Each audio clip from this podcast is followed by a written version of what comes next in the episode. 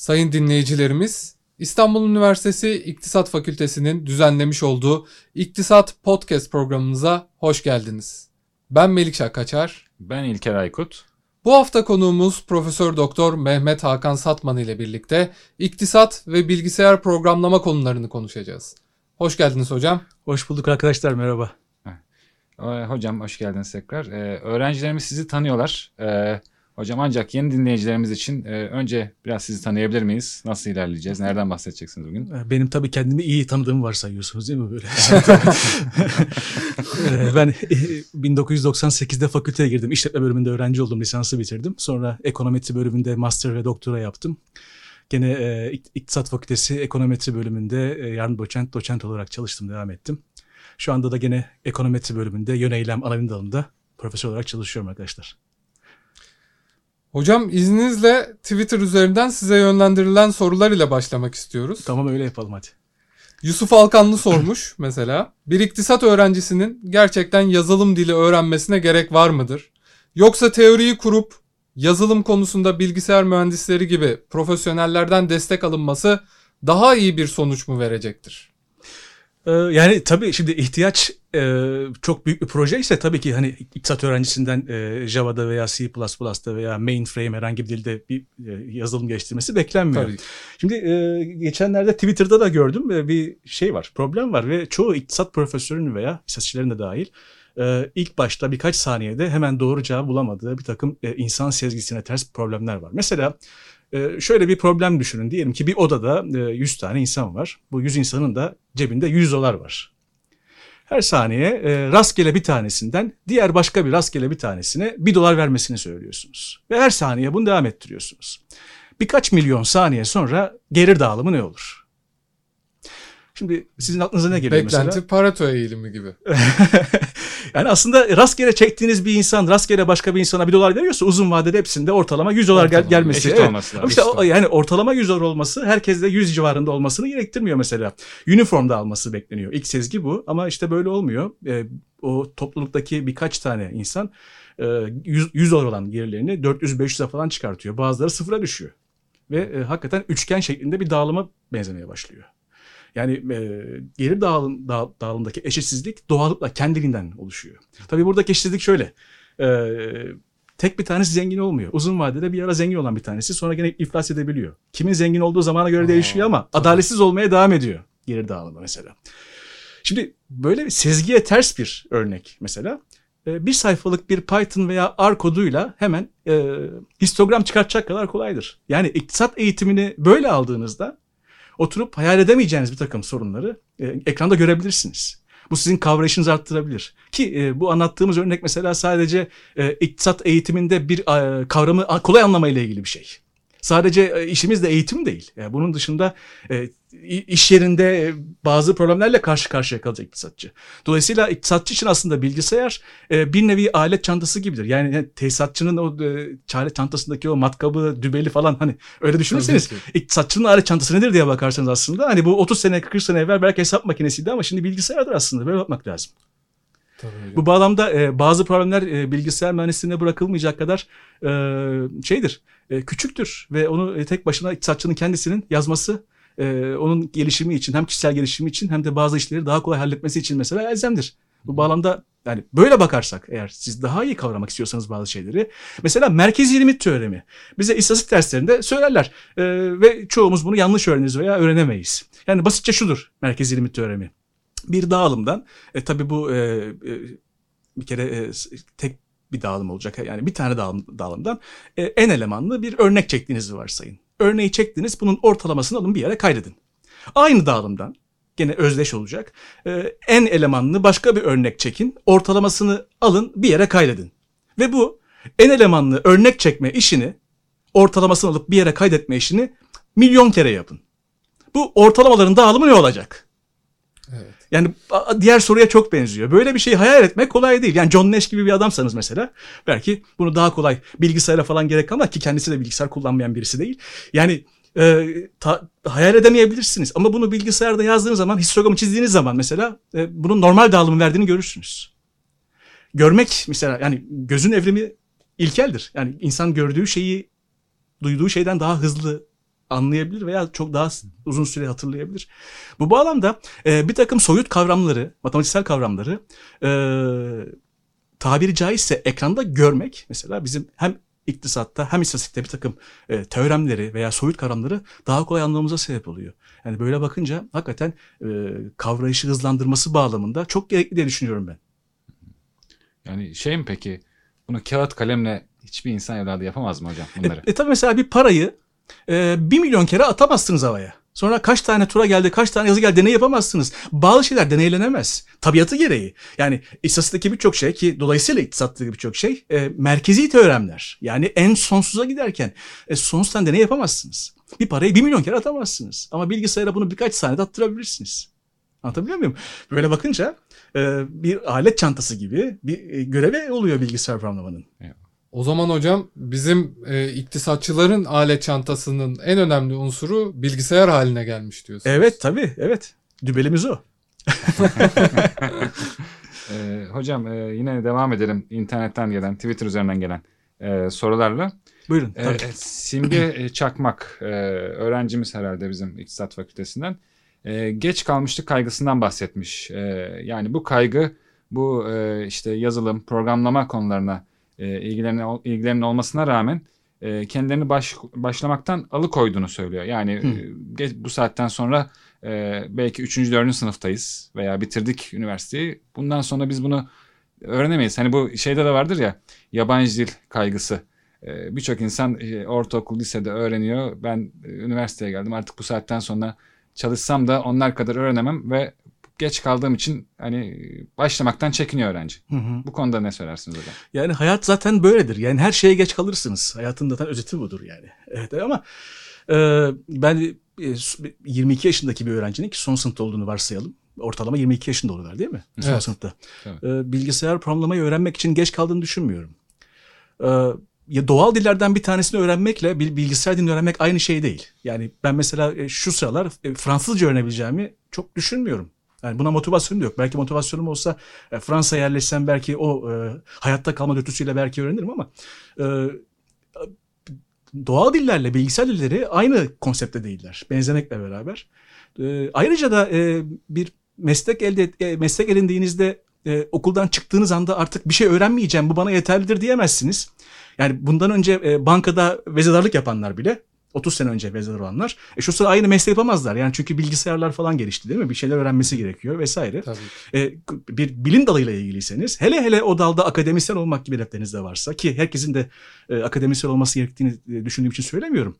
E, bir e, artık bir bankanın genel merkezinde çalışan bir kişinin mesela e, sürekli güncel teknolojileri takip etmesi gerekiyor. Böyle bir dünyadayız. Artık öğrenmenin de öğrenilmesi meselesi var. Ömür boyu öğrenmek, e, hayat boyu öğrenmek gibi kavramlar da var. Sanki yeni meslekler de doğdu değil mi hocam? Do- Ee, doğdu. Bir evet. hibrit meslekler dediğimiz. O- oraya gireceğiz galiba değil mi? Öyle onunla ilgili bir soru Evet, var mıydı? Evet. Ona da şeyi kaçırmayalım. Bu arada da e, yaş avantajından da bahsedelim. Galiba yani bunu tabii sosyologlara, psikologlara sormak lazım. Buraya da ahkam kesmeyeyim Kendi bilmediğim konuda ama. Kendi kendi tecrübem. e, benim 22 yaşındaki 24 saatimle e, şu anda 39 yaşındayım. 24 saatim aynı değil. Hmm. E, zamanın marjinal faydası diyebiliriz belki. Hani Evet. iktisat dil terimiyle konuşsak belki kendi işimizi biraz daha fazla yaparız. 22 yaşında bana verilen her bir boş saatin faydasıyla şimdiki her bir saatin boş faydası, faydası aynı değil. Bir tane bir, böyle bir fayda farklılığı var. Şu an daha mı Bir de, düşük fayda diyorsunuz? e, daha e, fazla? e, Fayda de- değişik olduğu kesin. Yani kişiden kişiye değişir ama e, ama günüm 24 saat değilmiş gibi geliyor bana. Bir gün içerisinde sanki daha çok şey yaparmışım gibi geliyor. Her ne kadar faydası çok fazla olmasa da daha çok şey yaparmışım gibi geliyor. E, dolayısıyla 22 yaş e, birçok şeyin hala öğrenilmesi için hala erken yaşlardır diye düşünüyorum. 35'ine kadar. e, tabii e, 35'inden sonra da öğrenme kesilmeyecek ama hiç de geç kalmış değiller. Hızlı bir şekilde e, bir takım Çünkü e, başta söyledik ya ilk sorularda e, biz bilgisayar mühendisi olmasını beklemiyoruz iktisatçının. Bir alet çantası olarak kullanmasını bekliyoruz. Daha kolay söylerde kendi işine yarayacak kadarını öğrenmesinde mesela e, fayda vardır. E, bilgisayar dillerini genel olarak ikiye ayırıyorlar. E, domain specific languages. E, mesela SQL böyle bir dildir. Bir de general purpose languages.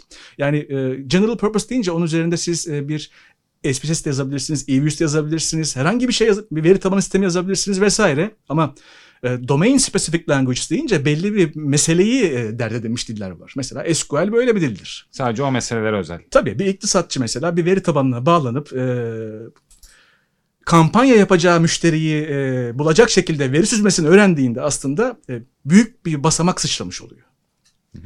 Örneğin bir Python veya R dilinden bir tanesini veya Julia dillerinden bir tanesini öğrendiğinde gene kendisine bir alet çanta sağlamış oluyor. Biz iktisatçıdan C++, Java öğrenmesini beklemiyoruz. Haskell öğrenmesini beklemiyoruz. Dolayısıyla e, bunlar 6-7 ayda kapanacak kadar e, küçük deliklerdir. Bunlar aşılabilir. Hiç de geç kalmalılar. Özetle onu söylemek istedim. gerekirse. Yani e, biraz daha açarsak hocam e, general purpose ve domain specific. Mesela yani SQL'de bir ekonometrik modeli test edemezsiniz. Sadece veri tabanı işlemlerini yapabilirsiniz ama e, R, R herhalde e, general specific dediniz şeye mi giriyor? E, gen, general. R bunların arasında. Yani R öyle bir dil ki SQL kadar domain spesifik değil. Ama mesela e, C++ ka- kadar da e, e, general purpose değil. Hmm. Arada hibrit bir. Aslında e, istatistikçiler için özel yapılmış bir dilden bahsediyoruz. Hmm. Yani bizim mesleğimize özel yapılmış. Bu Böyle bakarsak belki hani domain spesifik Evet. belki diyebiliriz ama arada hibrit bir e, Python öyle değildir mesela. Python domain spesifik değil. General purpose diye ortaya çıkıyor. Daha sonra e, veriyle uğraşanlar kendilerine yakın buluyorlar ve e, ona uygun paketler yazmaya başlıyorlar. Ama arın, arın çıkışı tamamen e, bizim mesleğimiz. Ekonometri, istatistik ve iktisatçılar mesela Evet. ağırlıkla kullanıyor o yüzden. Zaten Python var özellik olarak değineceğiz biraz sonra. Evet, Ee, evet. tamam. Python konusundan Onu bahsedeceğiz hocam. Özellikle sorular Python konusunda geldi. Hocam, e, Barış Yazıcıoğlu yapay zekadan söz etmiş. Hı. Kendi kendini yazan programlar, kesin ve hatasız kodlama yapabilen bir varlığa karşı insanın şansını nasıl değerlendiğinizi merak ediyor. Yani zeka e, zeka deyince aklımıza hep üstün olanı geliyor değil mi? Geri zeka olan Tabii ki. gelmiyor. Yani şimdi biz aslında yapay zeka falan deyince e, aslında bir, bir nevi şu anda e, zekayı taklit eden yazılımlarla uğraşıyor. Mesela kendi kendini yazan programlardan bahsetmiş arkadaşımız. Mesela genetik programlama dediğimiz e, teknoloji bunu yapmak için e, keşfedilmiş bir araç. Şöyle belli inputları veriyorsunuz. Belli outputları da veriyorsunuz. Diyorsunuz ki bu inputları verdiğimde bu output'u üretecek olan bilgisayar programını bana yaz diyorsunuz. Arka planda işte evrimsel algoritmalarla, optimizasyon algoritmalarıyla falan bir e, bilgisayar programını random başlatarak ve daha iyiye götürerek bir hale getiriyor. Çözüyor mu? Çözüyor. Sonra dönüp koda bakıyorsunuz nasıl çözdün diye. Inputlarla outputlar arasındaki ilişki nasıl buldun diye saçma sapan bir algoritma üretmiş olabiliyor mesela. Gereksiz yere x 1 eksi 2'yi çarpmış ona 5 eklemiş sonra tekrar 5'e bölmüş vesaire. Saçma sapan işler yapmış ve bulmuş. Hatasız kodlama bir tanımı gereği bir kere çok kolay e, tanımlanacak bir şey değil yani yapısı gereği. Ee, idareten iş görecek olan şeyleri makineye yaptırabiliyoruz. Ama yani yapay zekanın yapay ileri zeka olması gerekmiyor. Yapay geri zeka üretiyoruz bir yandan. bir şekilde iş görüyor ve e, yani oldu diyoruz. Çok emekleme aşamasındayız. Yani şöyle aslında e, yapay zekadan neyi kastediyoruz? Burası da çok önemli. Yani şöyle insanın yaptığı şeyi bir şekilde e, inputlarla outputları vererek aradaki ilişkileri kendisinin çözmesini bekleyerek hazır hale getirmeye çalışıyorsak mesela bu makine öğrenmesi ismiyle alınıyor daha çok. Ama öğrenmek mesela insanı taklit etmekse, e, insan gibi e, tepkimeler vermekse, dikkat e, insan gibi tepki vermekle mesela e, taklit etmekle, mimik etmekle mesela bizatihi insan yapmak mesela arada da fark var. Aynı şey değil. E, felsefenin çözmesi gereken yerler de var yapay zeka meselesinde. Mesela biz gece yattığımızda başımızı yastığa koyduğumuzda e, kap- ben dediğimiz şeyin ne olduğunu tarif edemiyoruz değil mi? Yani e, Tabii dolayısıyla e, makine de bir şekilde e, insanın kendisini yapmak istiyorsak bir makineyle insanın bir kere kendisini anlamamız lazım. Çok uzun az bir kere bundan bir kere bu hakkında konuşmuyoruz yapay zekadan bahsederken. Yapay zekadan bahsettiğimiz zaman daha çok makine öğrenmesinden bahsediyoruz bizim alanımızdaki Hmm. iktisatlı kullanım alanıyla. Inputlar veriliyor, outputlar veriliyor. Hadi aradaki ilişkiyi bul diyoruz. Bu bilgisayar programı da olabiliyor, bir matematiksel ifade de olabiliyor. Bunu yapıyor az çok. Yapıyor ama aradaki ilişki çoğu zaman e, insanın bulacağından çok daha saçma olabiliyor. Etik de bir problem var sanırım hocam burada. Neyi etik? Ee, bir bilgisayar programının ürettiği iş, bir insanın ürettiği işten nasıl bir farklılık gösterecek? Yani bilgisayarlar ilk çıktığında da insanların işlerini elinden alacak diye korkuyorlardı ki, ama daha tabii çok ki. meslek üretti. Daha Şimdi çok iktisatçıdan bile veri e, analistçisi, işte e, veri verici, işte e, aklıma gelmeyen isimler var yayında olduğumuz için olabilir. Birçok yeni meslek, data science diyorlar değil mi Evet. mesela? Yeni meslekler türetti. E, dolayısıyla ben yapay zekanın da e, daha çok iş görür hale geldiğinde bir takım meslekleri öldürmesiyle beraber yeni meslekleri de hayata e, dahil edeceğinden eminim. Yani insanın işini e, kolaylaştıracak ama bir yandan da e, yeni alanlar yaratacak. Bir yandan da zorlaştıracak. Öte Bunu yandan şu da olabilir. Yani insan aslında kendi kendinin sonunu getirmeye eğilimli bir varlıktır. Aslında evren de böyle yapar. Yani entropi, Evet. karmaşıklığın sürekli artması, evren sürekli kendi sonunu getirir. E, İnsan da evrenin bir parçası olarak kendi sonunu getirmek üzere yaşayan bir varlık. Hani belki de e, e, daha kötümser bakarsak mesela insan muhtemelen diğer her zaman yaptığı gibi atom bombası yapmak ve atmak gibi belki yazılımla kendi sonunu getirecek. Eğer getirirse bir gün ben bunu gene normal karşılayacağım. Çünkü evren de aynısını yapıyor. Evren de e, soğuk olmaya doğru gidiyor. Evet. Evrenin de kendi düzeninde, insan da aynı düzen içerisinde Yok- yok yok yok, olmaya çalışıyor diye. Evet yok olmaya çalışıyoruz evet. Böyle bir son da olabilir. Tabii. Yani, Yani gene insan, insan tabiatına çok bilim doğal. kurgunun da alanına girdik. Tabii onu ayrı bir program hocam yapıyoruz aslında böyle Evet evet. distopyalar Hocam, üzerine. Bilim kurgu programı çok güzel olacaktır. Yani bu O- olabilir. yapay zeka distopyaları çok özellikle revaçta. Evet. Hocam e, tekrar devam edelim e, sorularımızla. E, Büşra e, Kara adlı takipçimiz e, iktisat ve programlama deyince e, akla ilk olarak istatistik ve ekonometri e, alanları geliyor diyor.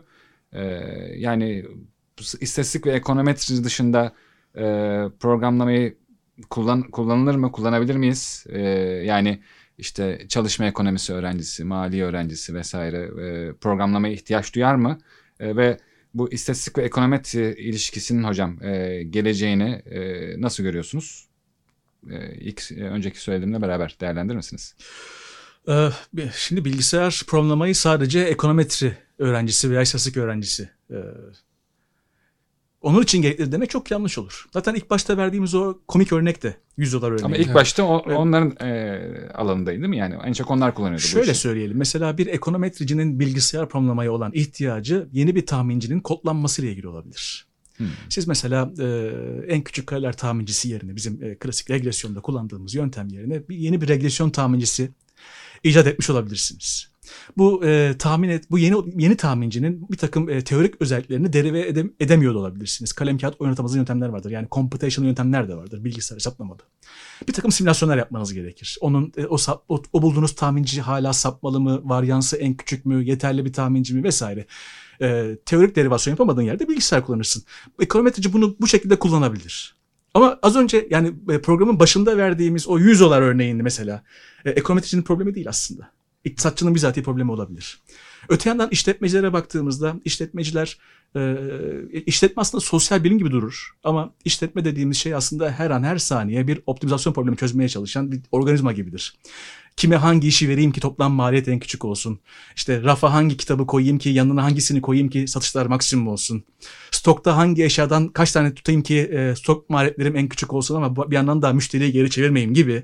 Baktığınızda optimizasyon biliminin ne kadar alet edevatı varsa kullanır. Tabii. E bunları da uygulamak için sizin bir bilgisayar ihtiyacınız olacak. Muhtemelen hazır paket kullanacaksınız. Ama e, literatürde yeni çıkmış bir takım e, modern yöntemler var. Onlar henüz sizin kullandığınız, şirketin satın aldığı bir programa ek- eklenmemiş olabilir. Bunu kendiniz yazmak zorunda kalabilirsiniz. Bu bağlamda bir işletmecinin de olabilir aslında. Bir maliyecinin de olabilir. Çalışma ekonomisi öğrencisinin de olabilir. Bunlar olmadan da hayatınız devam eder. Maliyetiniz en küçük olmaz. Karınız en büyük olmaz. Ölmezsiniz ama yani bir katkı sağlayacağı kesin. Evet. Evet hocam e, bir örnek daha belki ekleyebilirim. Bizim e, alanımızda iktisat tarihi. Orada da mesela e, o işte big data, big data tartışmaları vardır yani büyük veri.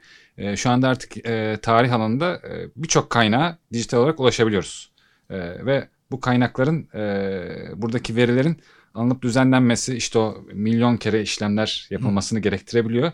Ve bu amaçla da hani e, artık işte Python, R öğrenen tarihçiler, edebiyatçılar bu metinlerin, verilerin işlenmesi için ön plana çıkmaya başladı. Size bir şey söyleyeyim mi? Mesela tarih, e, iktisat. Ba- bana göre ikisi birden fizikten daha zor bir bölümdür.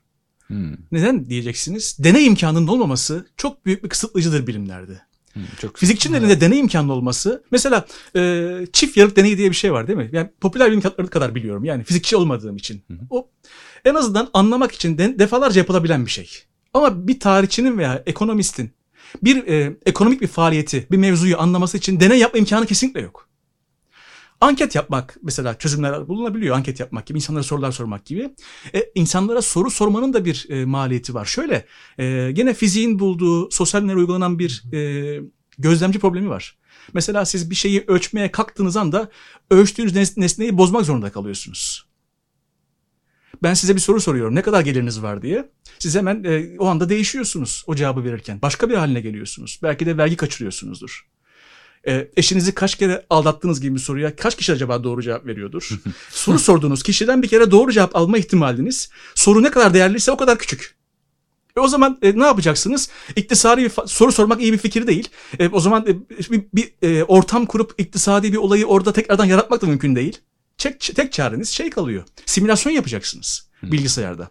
Mesela computational economics, e, Evet. evolutionary economics, e, agent based economics gibi alanlar var ekonominin altında. Hmm. Ne yapıyorlar? E, iktisatın birkaç varsayım, varsayımı vardır. Mesela insanlar homojendir ve rasyoneldir diye varsayar. Bütün insanlara X der ve ortalama peşinde koşar. Yani mesela e, bir ülkede marjinal tüketim eğilimi %60'ı diyorsanız bilirsiniz ki Keynes'in o e, geri tüketim modelinden yola Tabii. çıkarak insanlar işte e, ortalamada 100 lira gelir ede diyorsa bunun e, %60'ını harcamaya ayırır falan diyorsunuz. Ama hiç- belki de hiçbiri %60'ını harcamıyor. Hmm. Ortalama peşindesiniz. Bu agent based economics falan diye başlıklar attığınızda insanların her birini 85 milyon mu ülkenin nüfusu bilmiyorum. 85 milyon tane sanal birey oluşturup bilgisayarın belleğinde bunlara bir takım ekonomik faaliyetleri tanımlayıp aradaki o interaction'ları da kurup etkileşimleri kurup ekonomiyi belli bir dengeye getirip daha sonra dışarıdan mesela Merkez Bankası'nın para basması gibi bir takım etkileri koyduğunuzda sistemin davranışını inceleme mesela e, imkanı ortaya çıkıyor. Yani deney yap- yapma imkanı ortaya çıkartıyor bilgisayar. İstediğiniz kadar deneyebilirsiniz. Bir, isterseniz bütün gün çalıştırın bilgisayarı. Te- Bir de yani dünyada bir gün bilgisayarda birkaç milisaniyeye karşılık geliyor olabilir. Hmm. Hız, hızlı yazıyorsunuz çünkü. Dolayısıyla birkaç sene sonrasını birkaç dakikada hemen e, forecast edebiliyorsunuz gibi imkanlar Yüzlerce doğuyor. simülasyon içerisinden Bir- sizin teorinizi de test etmeniz daha kolaylaşıyor Evet. tabii. Te- defalarca, tarihi defalarca yaratma imkanınız olabilir Tabii. böyle bakınca. Hı hı. Tabii simülasyon biraz kısıtlı bir e, teknoloji. Ee, gökteki işte kuşun bile kanat çırpıtışını alamazsınız. Yani de, bütün değişkenleri koyamazsınız. Tüm ölçümleri koyamazsınız. Dolayısıyla e, simülasyon kapsam gereği her şeyin konamayacağı bir durumda oluyor ve tabii gerçeğin aynısını yansıtamıyorsunuz. Benzetim demek simülasyon ama gerçeği benzetmek o kadar kolay değil. Ama iyi bir simülasyonla yeteri kadar üzerine çalışmış, çalışmış bir simülasyonla e, deneyleyemediğiniz bir şeyi deneyleyebilecek hale gelebiliyorsunuz. Bu Bak. güzel bir şey. Bilgisayarın katkısı bu. Hocam çok güzel bir örnek geldi aklıma. Bu e, iktisat tarihi alanında Nobel ödülü de almış e, bir e, iktisat tarihçisi Robert Fogel. E, bunlar e, tam tane 70'li yıllar falan olması lazım veya 80'li yıllarda bir çalışma yapıyorlar.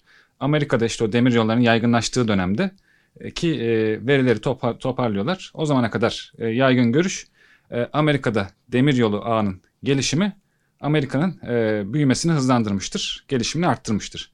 Bunlar işte bir karşı argüman üretiyorlar. Hakikaten bu böyle mi? O verileri alıyorlar, şey yapıyorlar, bir simülasyon yapıyorlar ve e, bunun üzerine bakıyor ki aslında e, demir yollarının e, bu kadar e, ağların yaygınlaşması aslında o kadar da e, büyümeye çok büyük katkı sağlamamıştır. Hı hı. Bu bunu tamamen bu simülasyonla hocam keşfediyorlar. Ha, güzel. Ben buna ben Yani rastlamadım e, ama counterfactual e, şey tarihçilik de diyorlar tam buna. olarak aslında söylediğimize destek çıkan bir örnek olmuş Evet, bu. evet. Yani sen e, eğer bir laboratuvar kuramıyorsan o laboratuvarı bilgisayarda kurabilirsin gibi bir Evet. imkan sağlamış olmuş. Güzel. Peki hocam, e, David Ricardo'nun da bahsettiği kara tahta iktisadı dediğimiz bir formülün yazılması ve iktisatın sadece matematiksel veriler üzerinden tartışılmasının eleştirilmesi, eleştirisi. Günümüzde de aktif bir konu. İnsanlar bunun sadece matematikle çözülmeyecek bir sorun olduğunu söylüyorlar. E, bu simülasyonlar bu ayrımı kısaltabilir, daraltabilir ve bizi iktisata daha yakınlaştırabilir mi matematikle iktisada? Ee, şimdi bu tartışmalar tabii matematiğe biraz haksızlık gibi geliyor bana. Yani şöyle aslında burada biz insan davranışları, insanların iktisadi da, tüketim e, gelir vesaire e, davranışlarını modelleyemememizin sebebi acaba insanla ilgili bir sınır mı yoksa matematiğin kendi sınırı mı? Mesela burada Hmm. çok ciddi bir problem Evet, var. Biz galiba evet. matematiğin yetmediğini falan düşünüyoruz herhalde. Ee, bu bizim modelleme yeteneğimizin kısıtlı olmasıyla alakalı olabilir. Şimdi şöyle bir örnek vereyim ben size. Tavla oynadığınızda, zarı attığınızda acaba zarın üst yüzeyine gelen sayının e, ne olacağı meselesi. Biz onun ne geleceğini bilmediğimiz için mi rastsal?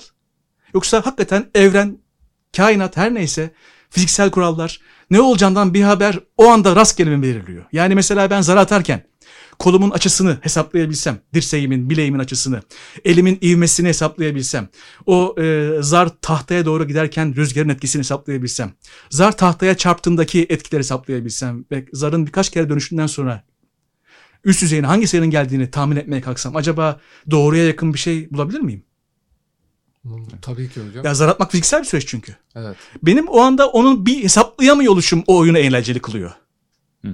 Aslında. Yoksa dünyanın en sıkıcı tavla oyununu oynardık. hep Çok sıkıcı olurdu. hocam. Bir sensör olsaydı bu hesapları yapardı ve bilinmez olmaktan çıkardı. Şimdi benim onun e, tavlayı eğlenceli hale getirdiğim şey zarın üst yüzeyine kaç geleceğini bilmiyor oluşum. Hesap o anda hesaplayamıyor oluşum. Ama bu e, fiziğin kabahati değil.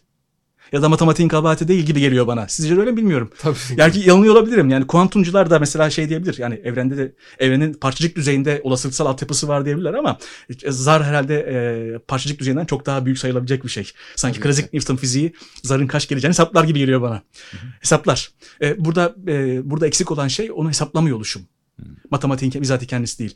İnsan için biraz daha karmaşık durum. Evet insan hakikaten at- e, Dostoyevski mesela e, bir eserinde yanlış hatırlamıyorsam e, yer altında notlarda ama burada yanlış hatırlayabileceğimi düşünüyorum. Başka bir eserde oluyor mu? Dostoyevski'nin bir eserinde.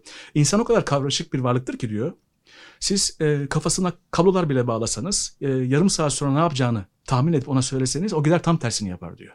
Evet. E, ama tam tersini yapması da denkleme dahil aslında bir yandan da. Hmm. Biz denklem eksik kuruyor olabiliriz. olabilir. Evet. Yani matematiğin de- matematiğin kabahatinden ziyade insanın modelleme konusundaki zayıflığı olabilir buradaki Yani eksiklik. gözlem kapasitemizin sınırlı Evet. olması, modelleme kapasitemizin. sınırlı. Sınırlı Tüm değişkenleri ölçemiyor oluşumuz belki. Bir Hı. ölçüm problemi de var. E, Ama eskiye göre daha iyi herhalde insan daha fazla. E, evet. Çünkü araçlarla sadece kendi artık e, duyularımıza da güvenmiyoruz. Başka araçlarla gözlemlerimizi e, çeşitlendiriyoruz. Onların e, Tabii. kalibrasyonunu arttırıyoruz. kan testine dayanan bilimler daha iyi e, forecast yapabiliyorlar. Kanını ölçtüğü zaman kan yalan söylemiyor çünkü içindeki maddeler, tansiyon falan bir an yalan söylemiyor ama insana sorunca yalan Ki söylüyor. orada bile hata payı var. Orada bile hata payı var ama gene önde gidiyorlar. Yani büyük oranda ben matematiğin değil de burada insanların modelleme e, yeteneklerinin daha e, istediğim seviyeye gelmediğini düşünüyorum. Bu şahsi görüşüm biraz. Yani kabahati matematikte bulmayalım. Bence de bulmayalım. Evet. Hocam fiziksel ekipmanlarla ilgili sorular da gelmekte. Hı. Takipçimiz Erdem Durmaz e, Python dilini öğrenebilmek için gerekli olabilecek ekipmanları Evet, sormuş çok mesela. popüler Python'dı. Evet. O yüzden. Aslında bilgisayar dili öğrenmek en maliyetsiz şey arkadaşlar. Çok ucuz. Ee, tabii iyi bir developer olduğunuzda asıl as- asıl işiniz bu olduğunda e, bir, bir takım e, program geliştirme ortamları falan IDE diyorlar onlara. Onları yüklemek falan meşakkatli oluyor. Bellek falan ihtiyacı oluyor ama bizim mesleğimiz açısından bakarsak bilgisayara kuracağı bir Python, Julia, R, onun işte R Studio falan bunları kurduğunda standart bir bilgisayar, laptop yeterli olacak. Herhangi bir şeye ihtiyaç yok. Yani bir Raspberry Pi bile yeterli olabilir. Ra- Ras- Raspberry Pi ile uğraşıyorsanız hani onun üzerine e, bir ras işletim sistemi kurmak, e, ona bağlanmak, terminalden SSH'la bağlanmak vesaire bunlar gene e, şey Teknik işler. bilgi Teknik bilgi gerektirir. Hani hiç cesaret kırmayacak Ama bir şey ucuz, söyleyeyim. ucuz yani. Hani bir Excel dosyası iner internetten. E, Next next next dersiniz ya. Mesela Python kurmak bu kadar, R kurmak bu kadar kolaydır. Onun üzerine RStudio, PyCharm kurmak bu kadar kolaydır. Yani çalışmaya Klavye kullanmadan kullanabilirsiniz. şu anda niyet etmiş bir öğrencimiz bu işi öğrenmek için hemen bir saat içinde gerekli ortamı bilgisayarına kurabilir. Hem de Buradan bedava. öğrencilerimize duyuralım o zaman. Bedava Bir saat içinde bu işi. Ee, internette çok fazla doküman var. Mesela hani R'la başlayacaksa R'ın kendi sitesi, e, Python'la başlayacaksa Python.org. Bir de tabii bunlar open source. Ee, kullanmakla ilgili lisans probleminiz yok. İndirip herhangi bir şirkette dahi kullan kullanabiliyorsunuz. Open source bu açık kaynak e, lisanslarının e, türleri var. GPL, LGPL, MIT lisansları falan diye. Bunların farklı bağlayıcılıkları var. Ama hemen hemen hepsi bir programı alıp bilgisayara kurup onu kullanmakla ilgili özgürlük sunuyor arkadaşlar. Herhangi bir para ödemeye gerek yok. Peki hocam yani e, bu e, yine bir burada burada listede yok bu soru ama e, şimdi çok kolay dediniz Python'ı e, kurmak, e, şeyi arı kurmak vesaire. Kurduk. Bundan sonra işte öğrenmek istiyoruz. Mesela bazı arkadaşlar e, şey yapıyor. İngilizce şart mı hocam bu konuda? Yani İngilizce bilmeden bunu e, şey yapabilir miyiz? Yani aslında İngilizce e, bir, bir, bir süre belli bir milletin milli dili olmuş değil mi? Aslında ama şöyle bir şanssızlık var aslında. Bir kediye baktığınız zaman kedi Mısırlı da olsa Çinli de olsa yan yana getirdiğinizde anlaşıyor. Evet. Bu insanların en büyük dezavantajı gibi geliyor bana. Ben gidip de kendi e, türümden bir canlının Çin'e gittiğimde mesela, Çin şimdi biraz tabii korkutucu oldu ama Japonya'ya gittiğimde e, oradaki herhangi birinin dilini anlamıyorum. En, ufak bir fikrim olmuyor. Ortak neredeyse birkaç kelime var belki de. Yoğurt falan biliyorsa onu biliyordur. Onun dışında pek fazla yok. Bu çok sıkıntılı bir şey. İngilizceyi belki herhangi bir disiplini, buna herhangi bir bilim dalı dahil, sadece bilgisayar programlama değil. İnsanlığın genel birikimini, buna birikim demek lazım. Bilim, bütün bilimler Tabii. insanlığın topluca birikimleridir. Herhangi bir milletin değil. Bu külliyata e, hakim olmak için insanlığın ortak dillerini öğrenmek lazım. Tabii tek bir ortak dilimiz yok ama insanlığın büyük oranda konuştuğu, konuştuğu demekten ziyade bilimsel üretimini orada yaptığı diller var. Mesela İngilizce bunlardan bir tanesi. Şu andaki bütün bilimsel birikim orada. İngilizce de yapılmış. Ee, çoğu da international English. Ki yeni bir hibrit İngilizce doğuyor artık. İngiliz'in kendi milletinden de uzaklaşan, bütün dünyanın konuştuğu bir dil. Bunu herhangi bir bilimsel alanda e, ilerlemek isteyenlerin öğrenmesi gereken bir şey olduğunu düşünüyorum. Ama tabii bu subjektiftir. Yani son kertede sadece Türkçe kitaplarla İngilizce bilmiyorsa yapacak bir şey yok. Öğren hemen öğrenmeye başlaması tavsiye ederiz tabii ki. Hocalar olarak bunu yaparız. Ama e, bunun yanında e, Türkçe kaynaklarla bilgisayar dillerini öğrenmeye hala bir engel yok. Ama büyük oranda kendini kısıtlamış olur. Başlangıcı yapar ama ilerleme konusunda E, Evet, bu dünyadaki külliyata ulaşamayacağı anlamına gelecek bir kere. evet. S- Scala diye bir dil var. Ee, JVM üzerinde çalışıyor. Java Virtual Machine üzerinde çalışıyor. Ve yıllardır e, ortalıkta duruyor. E, Java'nın e, üzerine Scala'nın e, kitabı daha yeni bu sene çıktı Türkiye'de. 10 yıllardır dünyada vardı. Siz kendinizi sadece Türkçe sınırlıyorsanız 10 yıl beklemeniz gerekmiştir demektir yani bunun için. Evet. 10 yıl fazla bir süre. İnsan süre 70 desek 7'de bir çok büyük bir süre. Beklememek lazım. İngilizce öğrenmek lazım o yüzden. başlangıcı yapabilir ama e, belki de şey de olabilir. Ben bununla ilgili örneklere de rastlıyorum. Programlama öğrenirken İngilizcesini e, geliştirebiliyor bazı arkadaşlar da. Yani çünkü o kaynağa ulaşma, öğrenme arzusu da e, bazen e, hani İngilizcemizi geliştiren e, bir unsur da olabiliyor. Bilmiyorum e, katılır mısınız? e, programlama dillerinin kelime hazinesi düşüktür aslında. Hani kullandığı kütüphanelerle falan, fonksiyon isimleriyle işte falan. forumlara bakacak, şeylere evet, bakacak. e, Aha. kendi uğraştığı işle ilgili bir rahat 500 bin tane kelime öğrenir zaten mecburen. Hı hı. Yani bu eğer bir e, besleyici olarak düşünürsek doğrudur. Hı. Ve dokümanları okumaya böyle başlayabilir. E, en azından e, kendi uğraştığı alanla ilgili. Nedir mesela? İktisatçı, kendi terimleriyle ilgili. Bir de o kullandığı bilgisayar diliyle ilgili terimleri öğrendiğinde büyük bir zıplama yaratır. Evet doğru Evet. söylüyorsunuz. Tabii ama yani Shakespeare okuyacaklar da hani İngilizcesinin gelişeceğini E, Tabii söylüyor. veya İngiliz, Abart. İngilizce bir konferans veremez. İngilizce tabii. konferans veremez. Hani. Amer- Amerikan filmini altyazısız dinleyemez falan ama Tabii, tabii. bir zıplama olur. Ama Evet. yani taşıma suyla değirmen döndürmek olur. İngilizce öğrenmesini tavsiye ediyoruz. Evet hocam. Evet. Ee, sorularımıza geri dönelim öğrencilerimizin, e, takipçilerimizin sorduğu sorulara hocam. Ee, Emir Alp Önal e, hocam e, biraz eğitim konusuyla ilgili bir sorusu var. Biraz farklı önceki sorularımızdan. E, bu iktisat eğitim müfredatında herhalde genel bütün iktisat e, eğitimini söylüyor. Programlamanın e, konumunu merak etmiş. E, hani ne kadar yer buluyor? Dünyada bununla ilgili iyi örnekler var mı? Daha mı iyi olmalı? Ne dersiniz hocam? Ne düşünüyorsunuz bu konuda? Ee, Biz İstanbul Üniversitesi İktisat Fakültesi olarak e, bin- 2010 yılında hatta 2009 olması gerekir.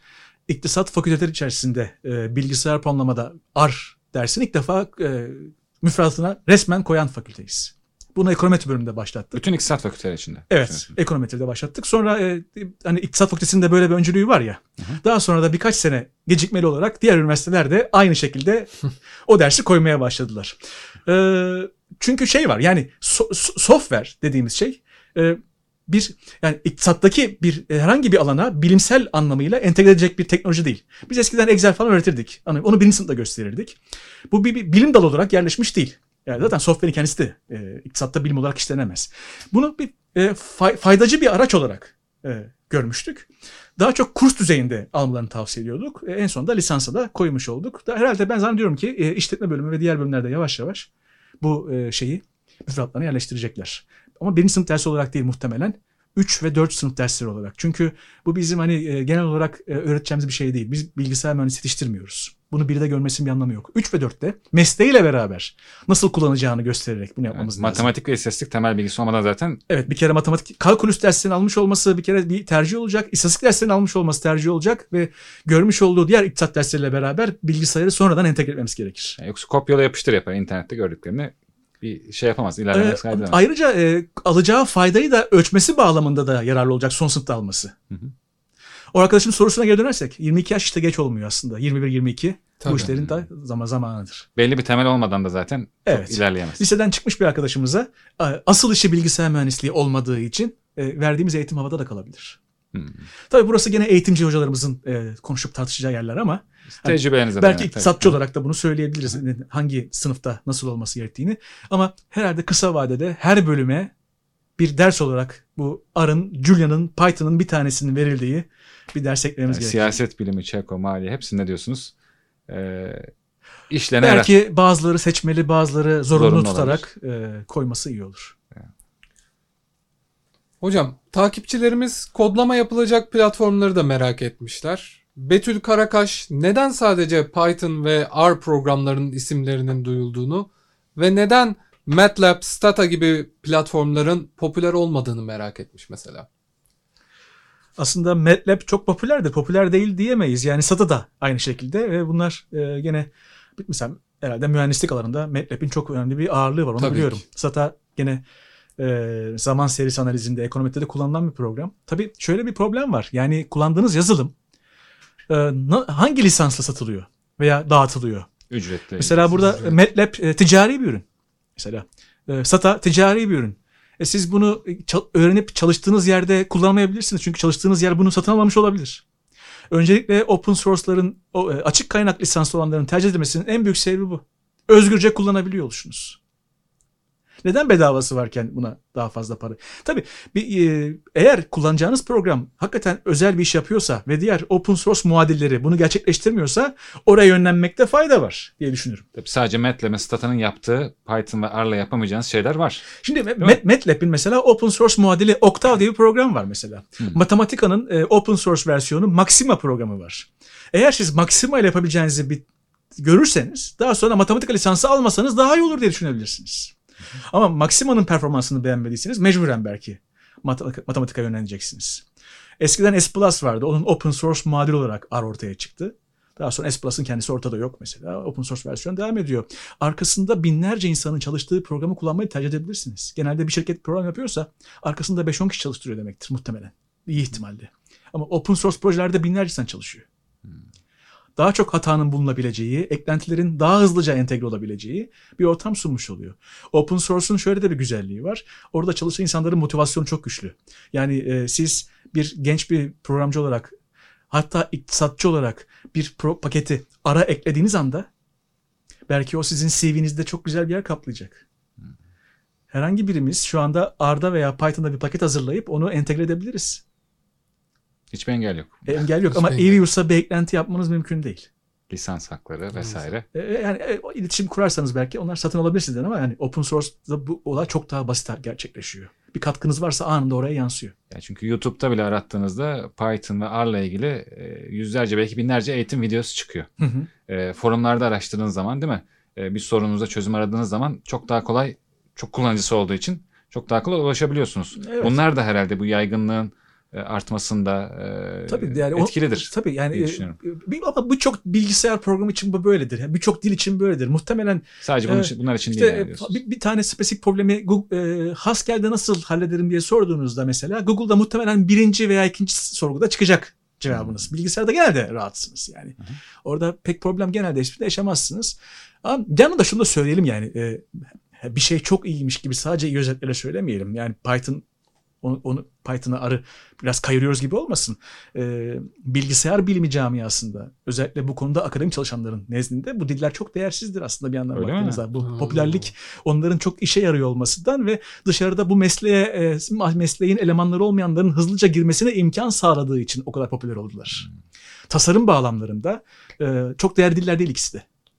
Överken sadece onun ben pragmatist bir şekilde faydasıyla övüyorum şu anda sadece. Hmm. Yani bir, bir- bir mesela bizim iktisat öğrencimizin bir Java diline hem hakim olması zordur bir hızlı bir şekilde hem de gereksizdir. Ama Python'a hemen müdahil olması çok hızlıdır, kolaydır. Pragmatist bakarsak mesela oraya girmesi, oraya yönlenmesi gerekir. Ve birden fazla seçenek varken işte biz mesleğimize en uygunu seçmeliyiz gibi. O yüzden onların isimlerini sürekli telafi ediyoruz. Yani piyasanın ihtiyacını da gözetmek durumundayız. Piyasa, Bunlar da- evet mesela siz şimdi bir iktisat mezunu olarak e, CV'nizde e, Python'la ilgili bir projeniz varsa mesela iş bulmanız çok daha kolaylaşır. Arkanızda birkaç bin kişiyi bir de elemiş olursunuz. Çünkü hibrit bir elemana ihtiyaç olmaya başladı artık. Ee, bilgisayar mühendisiyle iktisatçı arasında hibrit bir eleman ihtiyacı doğdu mesela. Siz bu alet çantasıyla bunu besleyebiliyorsunuz. Belki merak eden de olur. Çok böyle e, akademisyenlerin bu işin e, bilgisayar biliminin içinde çok çalışanların e, beğenmediğini söylediniz. Onların tercih ettiği bir iki dil isim belki araştırmak isteyenler olur. E, ne söylersiniz? Ee, akademik camiada çok daha önde gidiyorlar bu işte. Ee, bir takım spesifik diller uğraşıyorlar ama e, genel olarak e, fonksiyonel dillerin kullanımında bir popülerlik artışı var. Daha çok saygınlar. Akademik nezdinde de bir kere saygınlar. E, hatta çok teorik diye dalga da geçerler. Hmm. E, o meslekten olmayanlar. Hobi olarak bakabilirler. İktisat öğrencisinin tabii ki ufkunu arttıracaktır. E, bakışını zenginleştirecektir. Problem çözme meselesinde becerilerini arttıracaktır. Örneğin F Sharp Microsoft firmasının dili. Haskell özellikle e, fonksiyonel dillerde. Scala var. E, JVM tabanlı. E, çok aklıma ilk, ilk gelen üç tanesi daha fazla var. Bunlar daha ama öğrenmesi zor, ilerlemesi zor. Karadenizlerin Evet, çok sevdiği İdris dili var mesela. O da fonksiyonel bir dil vesaire. Tabii İdris Türkçe okumamış. Başka hatta İdris diye okunduğundan emin değilim yani. İdris falan diye okunuyor, okunuyor olabilir. Evet. Evet hocam. Hobi olarak ilgilenebilirler. Onların ufku, ufkunu açacaktır. Problem çözme meselesinde. Anladım hocam. Yani en azından e, böyle bir dünya olduğunu da e, Evet. bilmek adına önemli. Evet dünya e, Python'dan adan ibaret değil. Akademik camiası var bunun. Bizim mesleğimiz çok uz- e, uzağında bir yerlerde uğraşılıyor. Oradaki üretimler sonra e, seneler sonra belki bize pragmatik şekilde faydalanmak üzere ulaşıyor. Evet, belki 15-20 sene sonra bunlar da popülerlik. E, bir, evet bilmiyoruz piyasa ne isteyecek veya bilim nereye doğru götürecek. E, şu anda iktisatçı için ama dediğimiz e, uzay yeterlidir. Tabii. Büyük oranda. E, Hocam e, yine öğrencilerimizin sorularıyla devam edelim. E, bu e, bir öğrencimiz e, Vugar Sultanlı. Hı. E, verdiğiniz eğitimleri de hocam merak etmekte. E, bu lisans öğrencileri için AR uygulamaları konusunda eğitim vermek gibi bir planınız olup olmadığını sormuş. Yani şimdi fakültede ders olabilir şey olabilir ama e, işte ilgili bölümde okumayan e, veya bu derse ulaşmaya imkanı olmayan öğrenciler e, onlara yönelik bir eğitim planınız var mı? E, Bunlardan bahseder misiniz? E, fakültemizin bünyesinde e, istatistik uygulama ve araştırma merkezi var. Hı hı. Orada biz şu ana kadar birçok e, konuda seminerler verdik. Bu seminerleri yüksek lisans ve doktor öğrencileriyle sınırlı tuttuk. E, uzun vadede e, fakülteyle beraber ortak programlar yapma eğilimleri var. Kısa herhalde yakın zamanda hem R hem Python hem Julia konularında e, fakültemizin öğrencilerini de kapsayacak şekilde dekanlığımızın da bir girişimi var. O oluşumun içinde ben de tabii istenirse yer almak istiyorum. Ee, sosyal medyadan takip etsinler. Herhalde orada en kısa zamanda öğrenciye duy- duyuruyorsunuz onları. Tabii. En Sizin, kısa e, zamanda. Böyle planlar var. Ücretsiz zaten değil mi? E, Merkezdeki. e, Merkezde ücretli olanlar var. da oluyor. Hı. Ama çoğunlukla ücretsiz oldu öğrencilerimize. Muhtemelen fakülteyle yapılan nasıl olacak bilmiyorum ama ücret ücretli mi olacak? Ee, hocam çalışmalarımız devam etmekte. O konuda bir şey ücretsiz e, olmasını sağlamaya çalışıyoruz Hı hı. diyelim. E, fakültedekini e, bilmiyoruz ama hani İSTARMER, İstatistik Uygulama Araştırma Merkezi'nde bunun ücretsizleri var. Takip etsinler. Twitter hesabı da var. Orada Kontenjan sınırı var. Başvuru. 20-30 kişiyle gayet aslında iyi 20-30 kişi çok sıcak bir ortam oluyor. İnsanlar sorular sorabiliyorlar falan. Peki hocam oraya katılanlar e, hangi branşlardan daha çok? Bu da belki öğrencilerimiz için şey olabilir bir motivasyon. Ee, çok çeşitli. Çok çeşitli. Ben bir ortalama bile alamam herhalde. Yani iktisatçılar da var. Ee, tıpçı var, Tıpçı var. psikologlar, Oo. sosyolojiyle uğraşanlar, iktisatçılar, ekonomiciler. Her daldan gelenler oldu. Bu aslında önceki sorumuza da güzel bir cevap oldu. Hani sadece Evet. iktisat, istatistik Evet. ve ekonometricilerin Evet. ihtiyacı var. Kesinlikle evet kesinlikle. Hayatın her alanından her meslek grubunun mutlaka bir ilgileneni, ihtiyaç duyanı oluyor demek ki hocam. Ben bilgisayar programlamayı ilk öğrendiğimde yıllar sonra mesleğimle bu kadar iç içe kullanacağımı hayal etmezdim. Ben hobi olarak başladım. Meraktan. Hep hobi olarak kalır diye düşünüyordum. Keyif alma. Evet. Mesleğimin parçası oldu. Benim doktoram e, bilgisayar bilimi değil. Bilgisayar mühendisliği de değil. Ama öyle hibrit bir şey uğraşıyorum ki hani bir yandan yönelim araştırması, e, algoritmalar, optimizasyon, işletmenin karının maksimizasyonu, maliyetinin minimizasyonu bunun neresinde bilgisayar var, neresinde matematik var, nereden çıktı diye böyle bir şeye dönüşmüş. E, kümelerin kesişimine dönüşmüş durumda. Dolayısıyla hakikaten öyle bir hale geldik. Hibrit disiplinler ortaya çıktı. Ee, mesela yapay sinir ağları diye bir mesele var mesela. Ya, insan beyni taklit ediyoruz. İnsan beyni taklit ederek mesela finansal e, borsaları tahmin etmeye çalışıyoruz. Ve bunu e, bulanlar 1970 yıllarda bir psikolog ve matematikçi beraber yan yana geliyor. Böyle buluyor.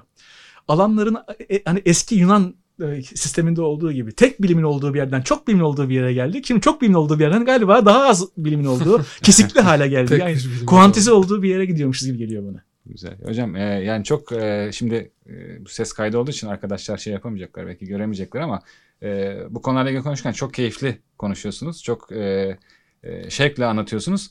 E, yani benim burada anladığım da biraz da bu programlama konusu aslında e, çok keyifli de bir alan. Öyle değil mi? Yani bu işe girenler benim de gözlemim arkadaşlarım da var şey de var.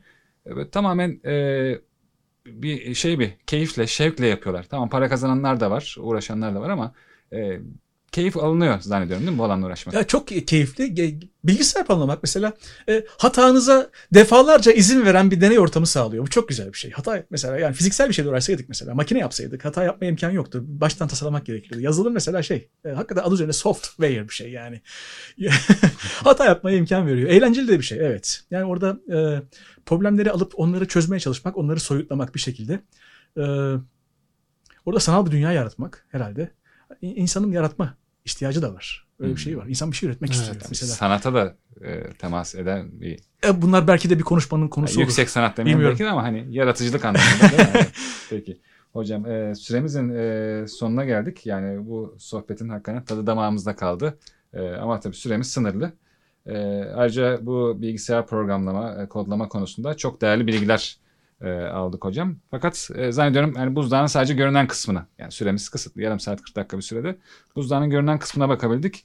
E, Bu bir teklif mi yani şimdi? Bundan sonra Evet hocam, hocam, e, belki size bir teklifimiz. ee, bazı şeyleri hızlı geçmiş olabiliriz. Bu konuda e, ar- arkadaşlarımızdan, takipçilerimizden, e, hocalarımızdan e, Twitter ve Instagram üzerinde geri bildirim de bekliyoruz. E, hani şu konuya keşke girseydiniz, şu konuyu biraz daha açsaydınız. E, hatta beğendi, beğenilerinizi de iletebilirsiniz.